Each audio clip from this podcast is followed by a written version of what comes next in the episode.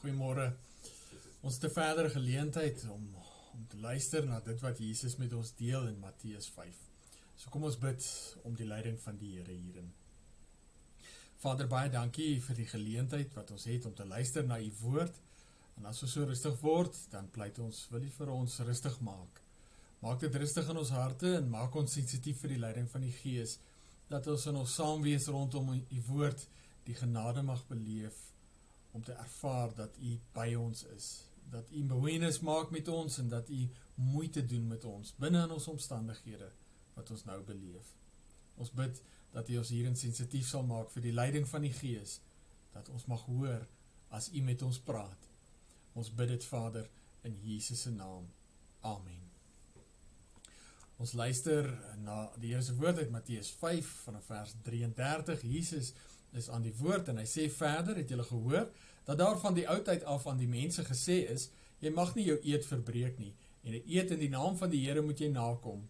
Maar ek sê vir julle, moet glad nie 'n eed af lê nie, nie by die hemel nie, want dit is die troon van God, nie by die aarde nie, want dit is die rusplek vir sy voete, nie by Jerusalem nie, want dit is die stad van die groot koning. Jy moet ook nie jou kop op die spel plaas as jy eet af lê nie, want jy kan nie een haar wit of swart maak nie. Laat julle ja eenvoudig ja wees en julle nee nee. Wat meer gesê word as dit kom van die bose. As ons wil verstaan wat hier staan, dan moet ons by die begin begin, letterlik die begin. Soos in Genesis 1 begin. En ons hoor in Genesis 1 eh, dat die, die Here in die begin die hemel en die aarde gemaak het. So voordat daar iets was, was hy daar. En dan hoor ons dat die aarde woes en leeg was en dat die gees van God oor die waters gesweef het. God was daar gewees. Dan hoor ons in Genesis 1 en 2 hoe die Here uiteindelik die mens maak volgens sy beeld as sy verteenwoordigers om naby hom te leef en saam met hom te werk. En die mooi van hierdie verhouding waartoe God die mens roep, word dan aangrypend uitgebeeld in die Hebreëse uitdrukkings wat gebruik word wanneer ons hoor dat die Here asem in Adam se neus ingeblaas het. Dit skep hierdie beeld van God wat by Adam gekniel het. Dit is 'n regtig mooi beeld wat geskep word. Die die eerste ding wat Adam sien wanneer sy wanneer hy sy oë oopmaak is God wat hier vlak by hom kniel. Dit skets hierdie innige verhouding. God is daar. Maar dan lees ons in Genesis dat dinge skeefloop met die sondeval wanneer daardie innige verhouding met God stukkend breek. Die bose kom en verlei vir Adam en Eva en en en dis van daar af net nooit weer dieselfde nie. Want dan hoor ons dat God uitreik en en en vra na Adam: "Waar is jy?" Al is Adam en Eva bang omdat hulle opstandig hulle rug op God gedraai het, God is daar. Wanneer in hoofstuk 4 ons hoor hoe Kain vasgevang in sy eie woede en swaarmoedigheid bose dinge begin begin dink, um begin oordink, is God daar. God reik uit en hy waarsku vir Kain. En dan hoor ons soos wat die verhaal verloop hoe God besig met die verlossingsplan wat hy in werking stel uitreik en vir Abraham roep. Dit bevestig hierdie roeping aan Isak en uiteindelik ook aan Jakob wat Israel sou word. Israel se nageslag word die uitverkore volk wat die Here deur sy magtige teenwoordigheid uit Egipte lei. Maar dis hier waar ons weer sien dit wat ons in tot daartoe in Genesis keer op keer gesien het dat Israel ook sukkel met hierdie in sondige valle werklikheid dat ons sukkel om God raak te sien dat ons geneig is as sondaar mense om God mis te kyk en te misken So wanneer hulle die eerste keer in Kanaan moet ingaan, dan kom die volk in opstand. Omdat hulle bang is oor die verslag van die verspieders wat gesê het dat Kanaan bevolk is met reuse, groot en sterk mense. En dis al wat hulle raak sien. Hulle sien nie die Here raak wat hulle met sy magtige dade uit Egipte verlos het nie. Hoewel God daar is, sien hulle hom nie raak nie. En tydens hulle ontswervinge in die woestyn waar God teenwoordig is in die in die vuurkolom en die wolkkolom sien ons dat hulle keer op keer die Here miskyk. Hulle verlang terug na die na die vleispotte van Egipte. Keer op keer is daar hierdie stuk opstandigheid van die volk se kant af wat Moses ook in die moeilikheid bring. Maar ons sien God se hart uiteindelik wanneer hy terwyl hulle besig is met hulle omswerwinge in die woestyn opdrag gee dat hulle 'n tabernakel moet bou waarin die tent van ontmoeting ook was. En hierdie tabernakel moes altyd in die middel van die tent op van die van die kampe opgeslaan gewees het tussen die volk omdat die Here se hart was om tussen sy mense te woon. En dit was daar waarvan die tabernakel uiteindelik teenwoordigheid was. Teen teenwoordigend was. God is by ons. Meer spesifiek God was daar. Later sou die tabernakel vervang word met die tempel, die teken van God se teenwoordigheid. Nou, ons verstaan as ons luister na die Ou Testament dat God hier nie net besig was met Israel nie, maar hy was besig met die heidense wêreld rondom hulle. God was besig om te roep, "Waar is jy?" Israel moes as lig vir die wêreld leef, geborge in 'n verhouding met God, naby hom leef, saam met hom werk op so 'n manier dat die heidene nasies kon sien God is teenwoordig en daarom self nader kon kon kom. Maar ons hoor in die Ou Testament dat Israel hierin faal. Hulle bly die Here miskyk en uiteindelik misken. As hulle in hulle omstandighede vaskyk, gryp hulle vas aan die afgode, die fertiliteitsafgode van hulle tyd en hulle misken God deur hulle self in toewyding te rig op die afgode. En daarom kry ons die talle herinneringe en waarskuwinge in die Ou Testament wat die volk se aandag op die Here rig. Nie net hulle aandag nie, maar uiteindelik ook hulle lewe. Ons hoor uiteindelik dat die volk nie hieraan gehoor gee nie en hulle word in ballingskap weggevoer. En dis hier terwyl hulle in ballingskap is dat die hervormingsbewegings van die skrifgeleerdes en die fariseërs ontstaan. Hulle begin erns maak met die verbond waartoe God hulle geroep het en hulle probeer om die wet nougeset na te kom. Maar ook hierin mis hulle die punt.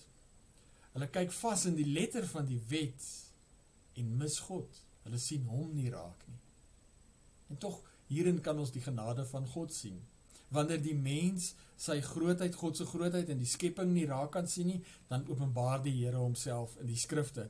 En as die mens homself nie in die skrifte kan of God nie in die skrifte kan raak sien nie, dan openbaar hy homself in Christus. God word mens en kom woon tussen sy sondige kinders. Daarom dat Jesus ook Immanuel genoem word, God by ons. En dit bring ons by die evangelie van Matteus. Die Here is hier tussen ons. Hy is besig om te soek en te red wat verlore is. En net soos wat God aan die begin mense geroep het om saam met hom te werk in en die skepping lewe en die skepping te ontplooi, so doen hy nou ook as hy besig is met sy verlossingsplan. En daarom roep Jesus die eerste disippels. Die bergrede is die eerste groot stuk toerusting wat die disippels ontvang. Die Here is hierin besig om hulle te reoriënteer ten opsigte van homself, dat hy God is en ten opsigte van die koninkryk. So in hierdie bergrede is die Here besig om die disippels toe te rus om vissers van mense te wees, effektief in hulle verhouding met ander mense ter wille van die koninkryk. Maar Jesus doen twee dinge in die bergrede. In die eerste plek skud hy die disippels los uit hulle um, skeefgetrekte kulturele verstaan van dit waarmee God besig is. Dit gaan nie hier oor 'n nuwe uh, ryk of die herstel van die koninkryk van Dawid sodat die Jode nie meer onder die Romeinse juk hoef te lees nie, leef nie. Jesus sê hy het gekom om sondaars te red en dit maak die evangelie van Matteus baie duidelik. Jesus het gekom vir sondaars. Die tweede ding wat Jesus in die bergrede vir die disippels help verstaan, is hulle is daardie sondaars is ook daardie sondaars vir wie hy gekom het. En daarom begin die bergrede met die saligsprekinge om duidelik te maak wie werklik gelukkig is.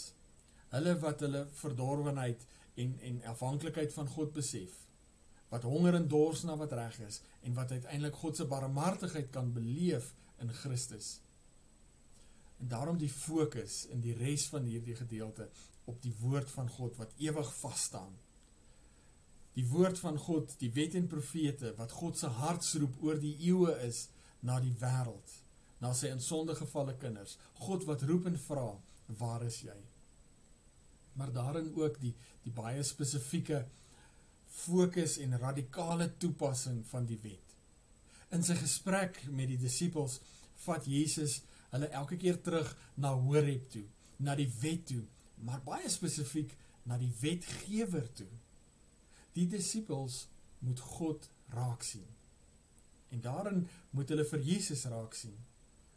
En daarom sê Jesus elke keer vir hulle: Julle het gehoor dat daar van die ou tyd af gesê is, maar ek sê vir julle. Jesus kom met hierdie uitsprake en hy hou die wet soos 'n spieël voor die disippels. En hy vra of hy daag hulle uit om hulle self te sien vir wie en wat hulle werklik is.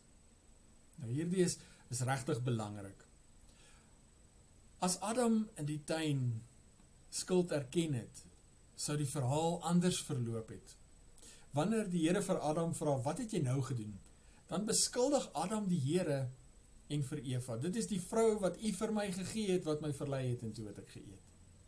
As Adam belydenis van sy sonde gedoen het, erken het dat hy in sondige opstand was, sou hy barmhartigheid en genade van God ontvang het, want so hoor ons in die woord barmhartig en genadig is die Here, lankmoedig en vol liefde.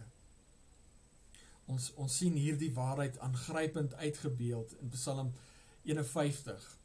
Nadat die Here vir Nathan na Dawid toe moes stuur as gevolg van sy oorspel en moord saam met Batseba en en Dawid Nathan vir hom hierdie storie moes vertel van die ryk man wat 'n arm man se enigste skaap lammetjie gesteel en gelaat slag het. Um omdat Dawid nie kon besef sy eie sonde kon raak sien nie. Nie kon besef dat hy eintlik in opstand teen God is nie en en daarin moord gepleeg het en oorspel gepleeg het nie. Kom Nathan en hy vertel hierdie storie. En wanneer Dawid kwaad word, dan sê hy vir Nathan: "Hierdie man moet verseker doodgemaak word." Maar dan sê Nathan vir hom: "Jy is daardie man." En Dawid kom tot die oortuiging dat hy die een is wat in opstand teen God is, dat hy die een is wat gesondig het. In Psalm 51 verwoord die diepte van sy rou en belewing van sy eie gebrokenheid en sonde. Maar dis ook in Psalm 51 wat Dawid aangrypend sê dat die Here sal 'n hart vol ootmoed en berou nooit gering ag nie. Daar is genade en barmhartigheid by God te vind. So wanneer die Jesus in hierdie gedeelte besig is met die disippels, dan vat hy hulle na daardie plek toe. Want die disippels, soos elke ander mens, soos ons ook, sit met presies dieselfde probleem as Adam. Dieselfde probleem as as Dawid. Ons sien baie selde ons eie sonde en ellende raak vir wat dit is.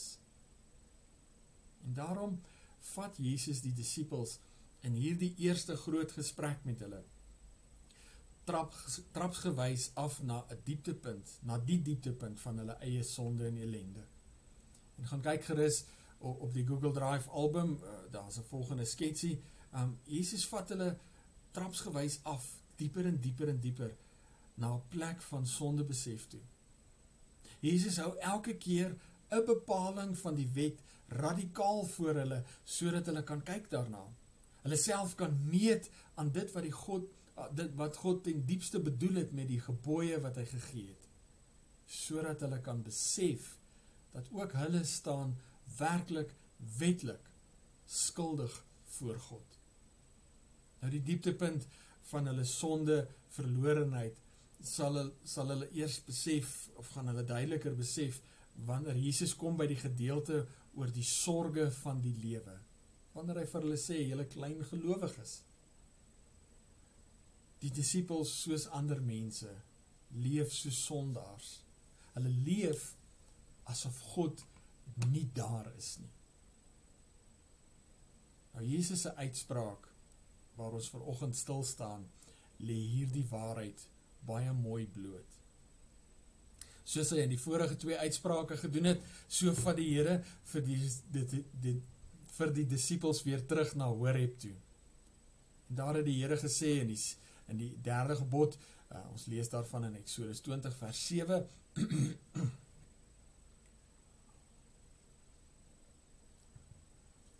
Jy mag die naam van die Here jou God nie misbruik nie, want die Here sal die een wat sy naam misbruik nie ongestraf laat bly nie.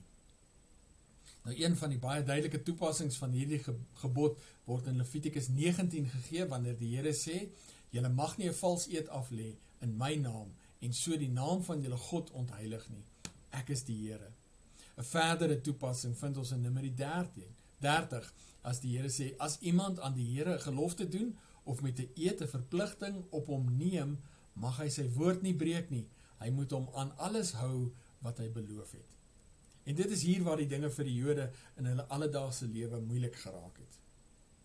Sien mense roep baie keer 'n hoër gesag as getuie om ander van hulle erns en toewyding te oortuig. Ek het nou 'n boek gelees uh van 'n Amerikaner wat so 'n bietjie navorsing gedoen het oor um groot data. Uh die boek se naam is Everybody Lies. En in hierdie boek um kyk hy na wat is die dinge wat mense opsoek op Google?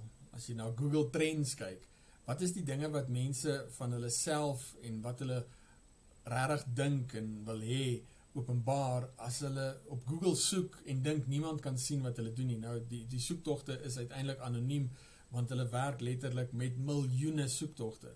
Maar daar's daar sekere tendense wat 'n mens kan raak sien as jy dan nou kyk na hierdie groot data. En een van die studies wat hy aanhaal in die boek uh, gaan oor 'n webwerf in Amerika uh, wat Prosper genoem word. Dit is 'n webwerf waar jy geld by ander mense kan leen um deur hulle te oortuig van die die die die goedheid van jou saak vir hoekom jy hierdie geld dan nou nodig het. Nou daar het navorsing in Amerika, navorsing in Amerika gaan kyk na wat is die woordgebruik van mense wat meeste kere nie hulle lenings terugbetaal nie. Wat geld leen en dan wel die geld net vir hulle self hou. Um en iets wat hulle agtergekom het is dat mense wat in hulle voorleggings sê dat hulle sal die geld terugbetaal, God sal hulle help, betaal uiteindelik nie die geld terug nie. So daardie woord gebruik God sal my help om dit terug te betaal is 'n aanduiding in 'n voorlegging dat die persoon waarskynlik nie die lening sal terugbetaal nie. Nou dis swaar om te hoor dan, maar in ons eie land is daar ook die tong en die kies waarskuwing uh, in besigheidskringe om nie met Christene besigheid te doen nie. En Christene daar in aanhalingstekens. Mense maak so.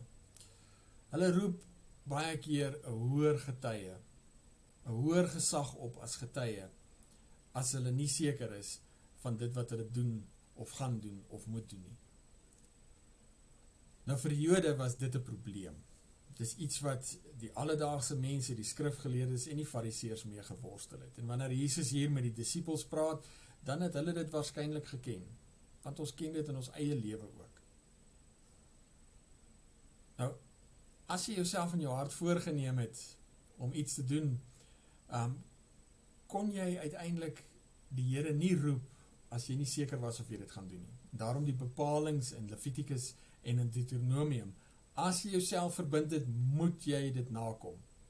Die wet het uitdruklik verbied dat jy die die die naam van die Here um moet mis mag misbruik. So as jy 'n voorneme maak, maar jy sien jou hart nie oortuig dat jy dit gaan doen nie, moet jy verkieslik nie die Here se naam daarby betrek nie.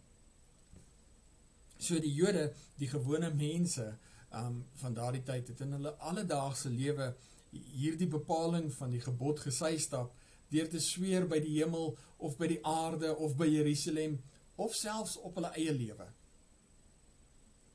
Die skrifgeleerdes en die fariseërs het dit nog 'n bietjie verder gevat. Ons hoor in Deuteronomium ag in Matteus 23 as Jesus met hulle praat, dan sê hy, um hulle sê as jy 'n eet by die tempel af lê, is jy nie daaraan gebind nie, dan maak dit nie saak nie.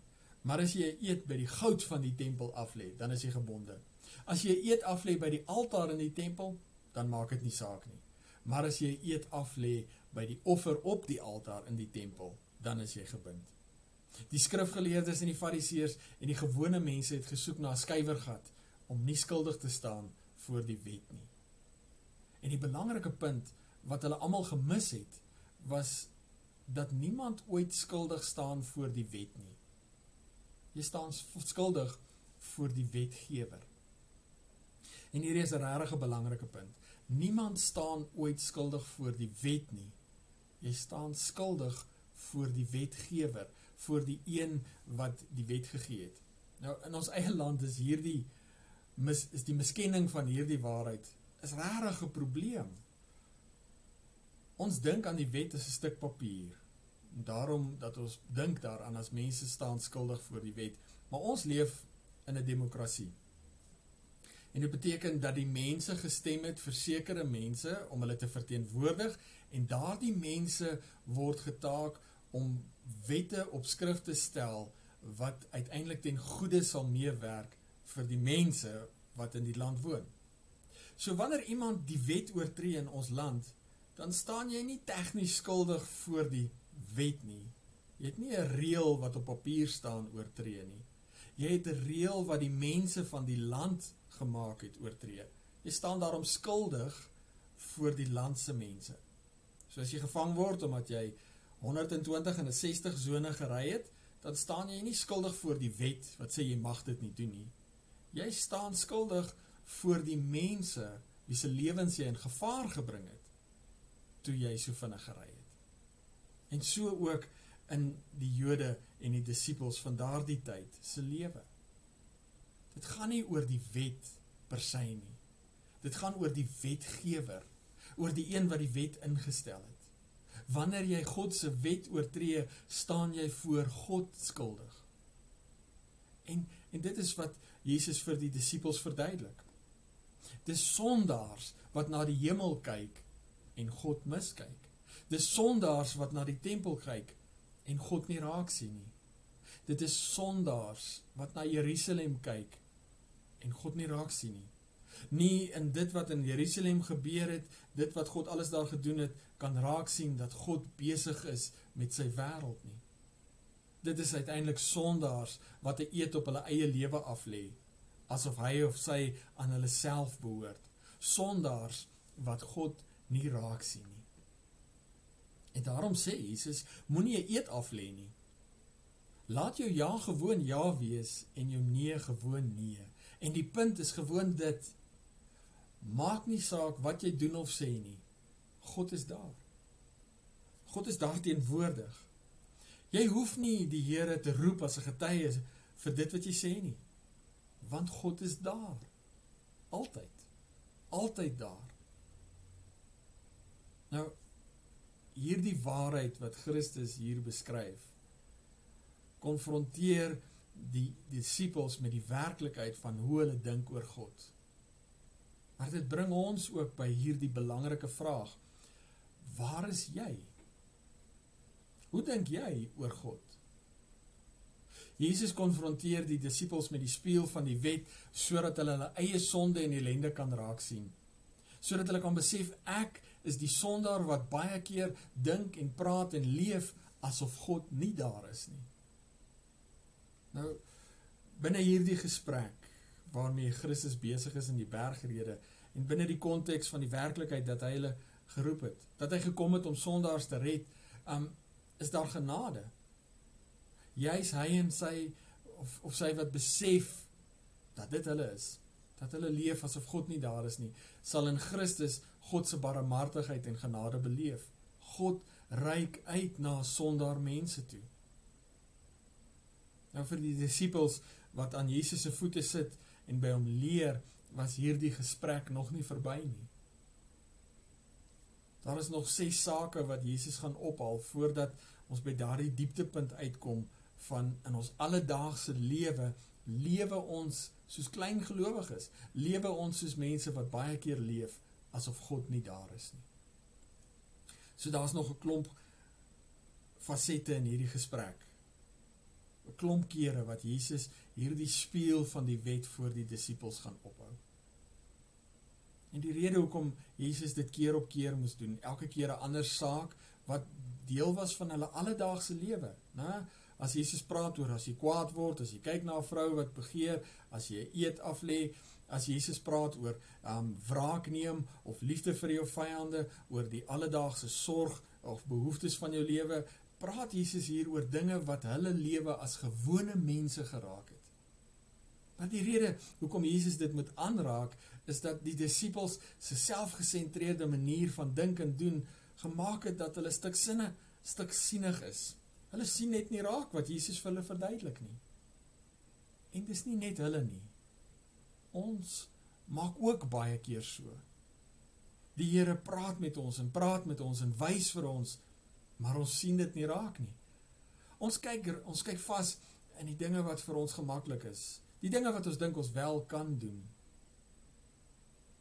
Ons leef baie keer soos die sondaars in die wêreld wat God miskyk en misken. Dalk nie so blaatant soos ateëste nie. Maar ons is baie keer daar. As iemand van buite af moet luister na hoe ons dink of spesifiek na hoe ons praat en kyk na dit wat ons doen, as ons kyk na dit wat in ons land gebeur, dan staan ons ook skuldig. Sien, dis een ding om te sê jy glo in God. Dis iets anders om regtig konsekwent te dink en te praat en te doen soos iemand wat derentyd bewus is dat God hier is, dat hy teenwoordig is. Wanneer die Here wat altyd teenwoordig is, kies om mens te word en sy kinders terug te roep, is die eerste ding wat hy doen vir daardie groepie disippels wat hy roep, is om hulle te help om hulle eie sonde en ellende te besef. Om dit raak te sien, sodat hulle kan besef dat hulle verlossing nodig het. Dat hulle besef dat hulle verlosser nodig het buite hulle self. En daarom hierdie innige gesprek wat Jesus met sy disippels het. Dit is 'n gesprek wat wat swaar is. Dit is 'n gesprek wat trapsgewys dieper afgaan na hierdie stikkende donker plek van besef maar ek is nie waar ek moet wees nie van besef ek is 'n sondaar wat verlossing nodig het nou net soos wat dit vir die eerste disippels belangrik was om dit te besef so is dit ook belangrik vir die eerste hoorders wat gestoei het met die geldige vraag na hoe die onderhouding van die wet um die on, die uitreik na die heidene ontmoet. Hulle moes ook hierdie waarheid weer 'n keer hoor. Hulle het geldige vrae en besprekingspunte gehad. Maar die diepste vraag was: het hulle God nog raak gesien? Kon hulle die Here agter die wet sien? Die wetgewer. Kon hulle die Here sien en hoor wat roep na die wêreld deur die wet? Deur die wet roep na die wêreld: Waar is jy? kon hulle gekonfronteer met die heidense wêreld rondom hulle nog die kruis sien en Jesus wat as lam van God die sonde van die die volmaakte offer bring om die sonde van die wêreld weg te neem. Kon hulle te midde van die moeilike omstandighede wat hulle beleef het nog die Here sien wat uit genade uitreik om sondaars te red. Sondaars te red van wie hulle ook deel is. Meer nog kon hulle die Here sien wat besig was om sondaars te red, maar hulle geroep het as sy kinders om saam met hom uit te reik na heidense wêreld. Nou ons leer as ons na Handelinge luister dat die gemeente in Sirië erns gemaak het met die boodskap van hierdie evangelie. Hulle is die eerste gemeente wat vir Paulus en Barnabas afsonder, die eerste sendelinge afsonder om na die heidense wêreld toe te gaan. Wanneer die eerste disippels geroep word om saam met Jesus te werk, dan konfronteer Christus hulle met die wet as 'n spieël sodat hulle eie sonde en ellende kan beleef, kan ken en daarom kan besef dat hulle 'n verlosser nodig het. Wanneer die eerste gemeente worstel en stoei met die moeilike omstandighede waarin hulle hulle self bevind het en die geldige vraag na hoe ontmoet die wet die uitreik na die heidene, dan word hulle gekonfronteer met die met die werklikheid van die wet wat 'n spieël is sodat ons onsself ten diepste kan ken. Sodat hulle hulle eie sonde en ellende kan besef maar daarin ook iets van God se uitreik na die wêreld kan beleef. En vir hulle in besonder omdat hulle weet dat Christus die perfekte offer gebring het, gesterf het in sondaar se plek, maar dan ook opgestaan het. Opgestaan het uit die dood en dan sy disippels stuur om voort te gaan met hierdie uitreik van God na die wêreld om sondaars terug te roep na hulle Vader toe. Daarom word ons as hoorders vandag ook gekonfronteer met die waarhede van hierdie boek. En ons moet vandag versigtig wees om onsself nie te verontskuldig wanneer ons na Jesus se uitsprake hier in Matteus 5 luister nie. Wanneer Jesus die verbod plaas om beloftes af te lê, staan ons onmiddellik voor die geldige vraag of mag ons 'n eed af lê? Ja, die Heidelbergse Katekismes en binne die gereformeerde etiek sê ons ja, jy mag. Veral as die staat dit van jou vra, die staat wat dienaar van Christus is.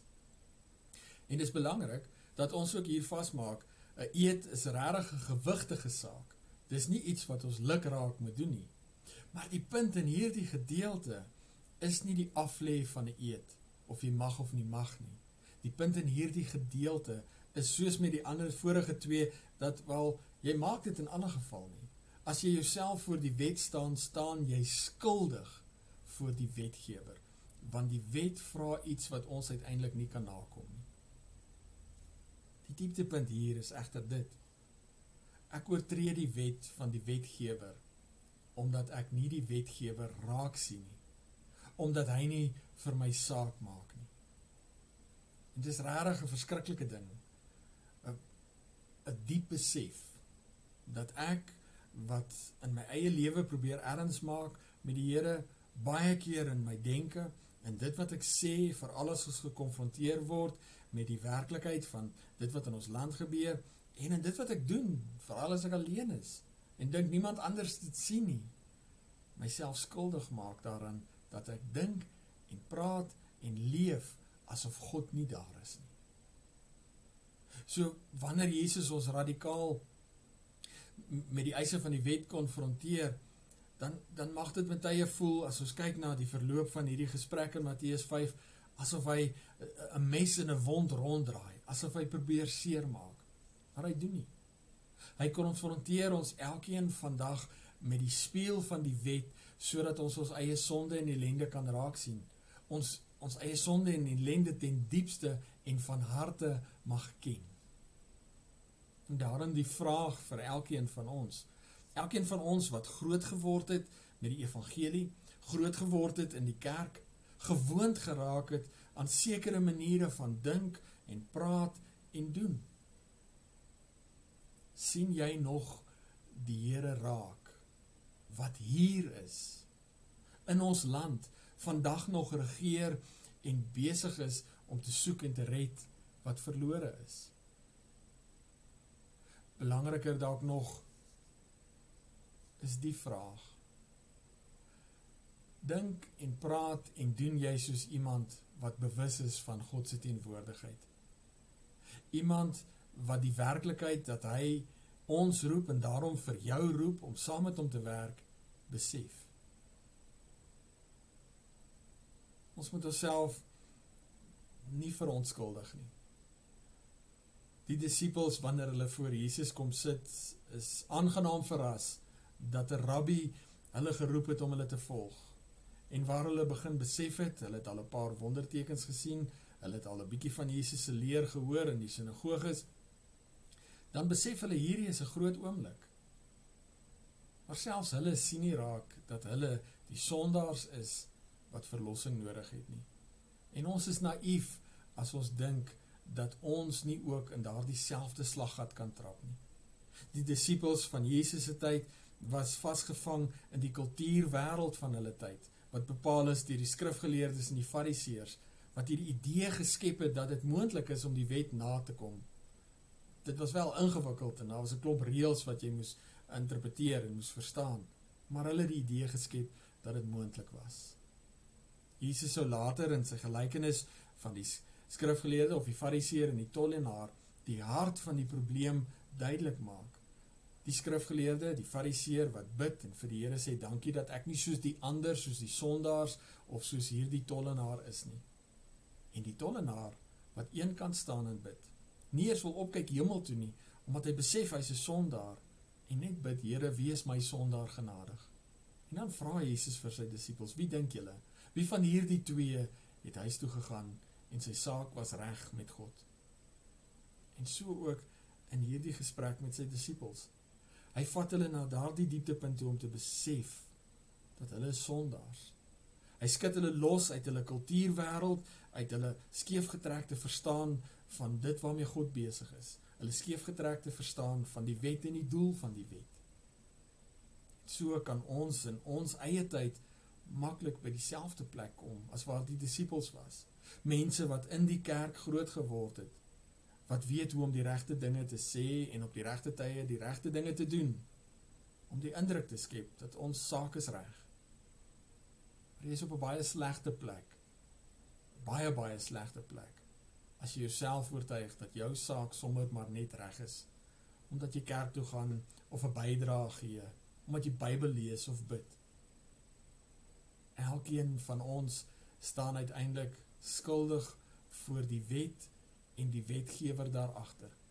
En daarom het ons Christus nodig.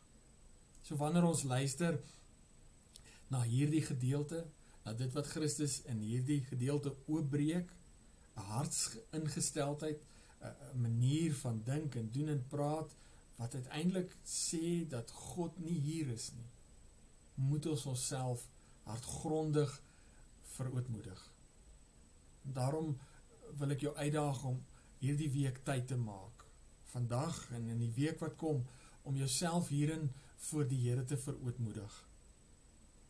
Hoe dink jy oor ons land en dit wat gebeur met jou persoonlik en met ander? En dis regtig 'n belangrike vraag want God is in hierdie omstandighede besig om te soek en te red wat verlore is. Hoe raak dit wat gebeur jou verstaan van dit waarmee God besig is? Hoe praat jy oor ons land en dit wat die Here toelaat om te gebeur? Hoe praat jy daaroor um, met ander en en dit wat met jou gebeur en ook oor dit wat met ander gebeur? Dan oor wat is jou getuienis? in hierdie tyd. In hierdie tyd waarin dinge regtig die mekaar is en skeefloop. Het jy 'n getuienis dat God nog hier is? Dat hy besig is? En dan baie belangrik, wat doen jy in jou alledaagse lewe wat verander wys dat God ons Vader hier is? Tussen ons woon en vandag nog uitreik na sy in sonde gevalle kinders. Waarmee is jy besig in jou alledaagse lewe? Leef jy naby die Here en werk jy saam met hom of het jy vasgeval in 'n lewe en wêreld waarin dit net om jouself gaan? Dis harde vrae en dis bedoel om hard te wees. Ons beleef iets van 'n stikkend en 'n seer vandag in ons land in die wêreld, maar in besonder in ons land. Dinge loop skeef. En hieroor is die Here nie verleë nie. Ook hierdie omstandighede gebruik hy saam met sy woord om ons te konfronteer met die werklikheid van wie ons is. Maar nie net wie ons is as ons voor die wet staan en daarin besef dat ons skuldig is, sondaars is nie. Uiteindelik ook wie ons is wanneer ons barmhartigheid en genade in Christus ontvang. Daarom gebruik hierdie tyd, hierdie onsekerheid om jouself voor die Here te verootmoedig. Hoe dink jy? Hoe praat jy? En hoe leef jy? Kan jy die Here nog sien wat hier is? Amen. Kom ons bid saam. Vader, as ons hierin voor U rustig word, dan pleit ons, wil U ons harte oopbreek vir U dat ons onsself mag ken, ken as sondaar mense, dat ons onsself mag eerlik meet aan die wet en daarin aan dit wat U as wetgewer vir ons sê. Maar ons pleit ook Vader, wil U ons geestesoë verhelder sodat ons U mag raak sien wat in Christus uitgereik het ook na ons na sondaar mense En ons pleit Vader dat U vir ons hierin die die die mooi van die barmhartigheid sal oopbreek. Dat ons dit opnuut weer mag beleef. Dat U juis kom vir sondaar mense. Mag ons daarin vir Christus sien, mag ons daarin die genade beleef van hy wat in ons plek kom sterf het. En daarom bid ons Vader, wil U ons hierin sensitief maak. Waar Christus ons deur sy woord, deur die woord en die gees toerus en ook anker in ons verhouding met U, mag ons sensitief wees vir die leiding van van U gees, in besonder as ons met U woord besig is. En waar U ook die omstandighede in ons land, in ons persoonlike lewens en die wêreld daar buite om ons gebruik om ons te help om te fokus op U en dit waarmee U besig is, pleit ons Vader, gee vir ons nugterheid en helderheid van verstand om ons eie lewens eerlik te meet in die lig van dit waarmee U besig is. Mag ons U las dra vir 'n sondige wêreld. Help ons om U hartklop te hoor wanneer U die stikkend en die seer sien van 'n sondige wêreld waar mense mekaar in die wêreld verniel uit kwaad en woede, uit boosheid. Mag ons hierin Vader die genade beleef van U wat ook elkeen van ons roep om hierin saam met U te werk, om lig en sout vir die wêreld te wees. Ons kom na U toe Vader te midde van hierdie omstandighede wat ons beleef en ons bid vir die regering, vir elkeen wat regeer, nasionaal, provinsiaal en plaaslik. Ons pleit Vader dat U insig en wysheid sal gee en dat te midde van die die onstuimigheid wat ons beleef in in die politiek en die ekonomie daar stemme mag opgaan en uiteindelik ook mense wat leiding sal neem sodat dit wat in wanorde is op hierdie stadium in orde gebring kan word. Ons bid Vader dat U elke gelowige met die kerk in hierdie land sal wees dat ons ons roeping en verantwoordelikheid sal opneem en leiding sal neem daar waar U ons geroep het, daar waar U ons geplaas het dat ons sout en lig sal wees sodat die wêreld u teenwoordigheid mag beleef. Iets mag raak sien en mag ervaar van u wat hier is. Dan kom ons Vader ook en ons bid en ons dra elkeen wat siek is in hierdie tyd aan u op. In besonder hulle wat siek is aan aan die koronavirus en ons dink in besonder vanoggend aan Cecilia Burger en vir Gerard hulle Ons pleit Vader dat U met hulle sal wees. Mag hulle in hierdie tyd ervaar dat U dat U daar is, dat U bemoeienis maak. Wil U vir Cecilia gesond maak en en spoedig gesond maak. Ons dink aan elkeen wie se familie en vriende siek geword het en ons bid Vader dat U te midde van dit wat ons beleef, die ons eie swakheid wat ons beleef, ons eie onvermoë om regtig 'n groot verskil te maak dat U ons sal seën met 'n bewustheid van U teenwoordigheid en dat ons daarin getrou mag bly in dit wat ons dink en dit wat ons sê en Vader uiteindelik in dit wat ons doen vir die wêreld. Ons bid hierdie dinge in die naam van Jesus Christus, ons Here. Amen. Baie sterkte vir die week wat voorlê. Mag die genade van ons Here Jesus Christus en die liefde van God ons Vader en die troos en leiding en krag van die Heilige Gees jou beskutting wees in hierdie week. Amen. Totsiens en mooi bly.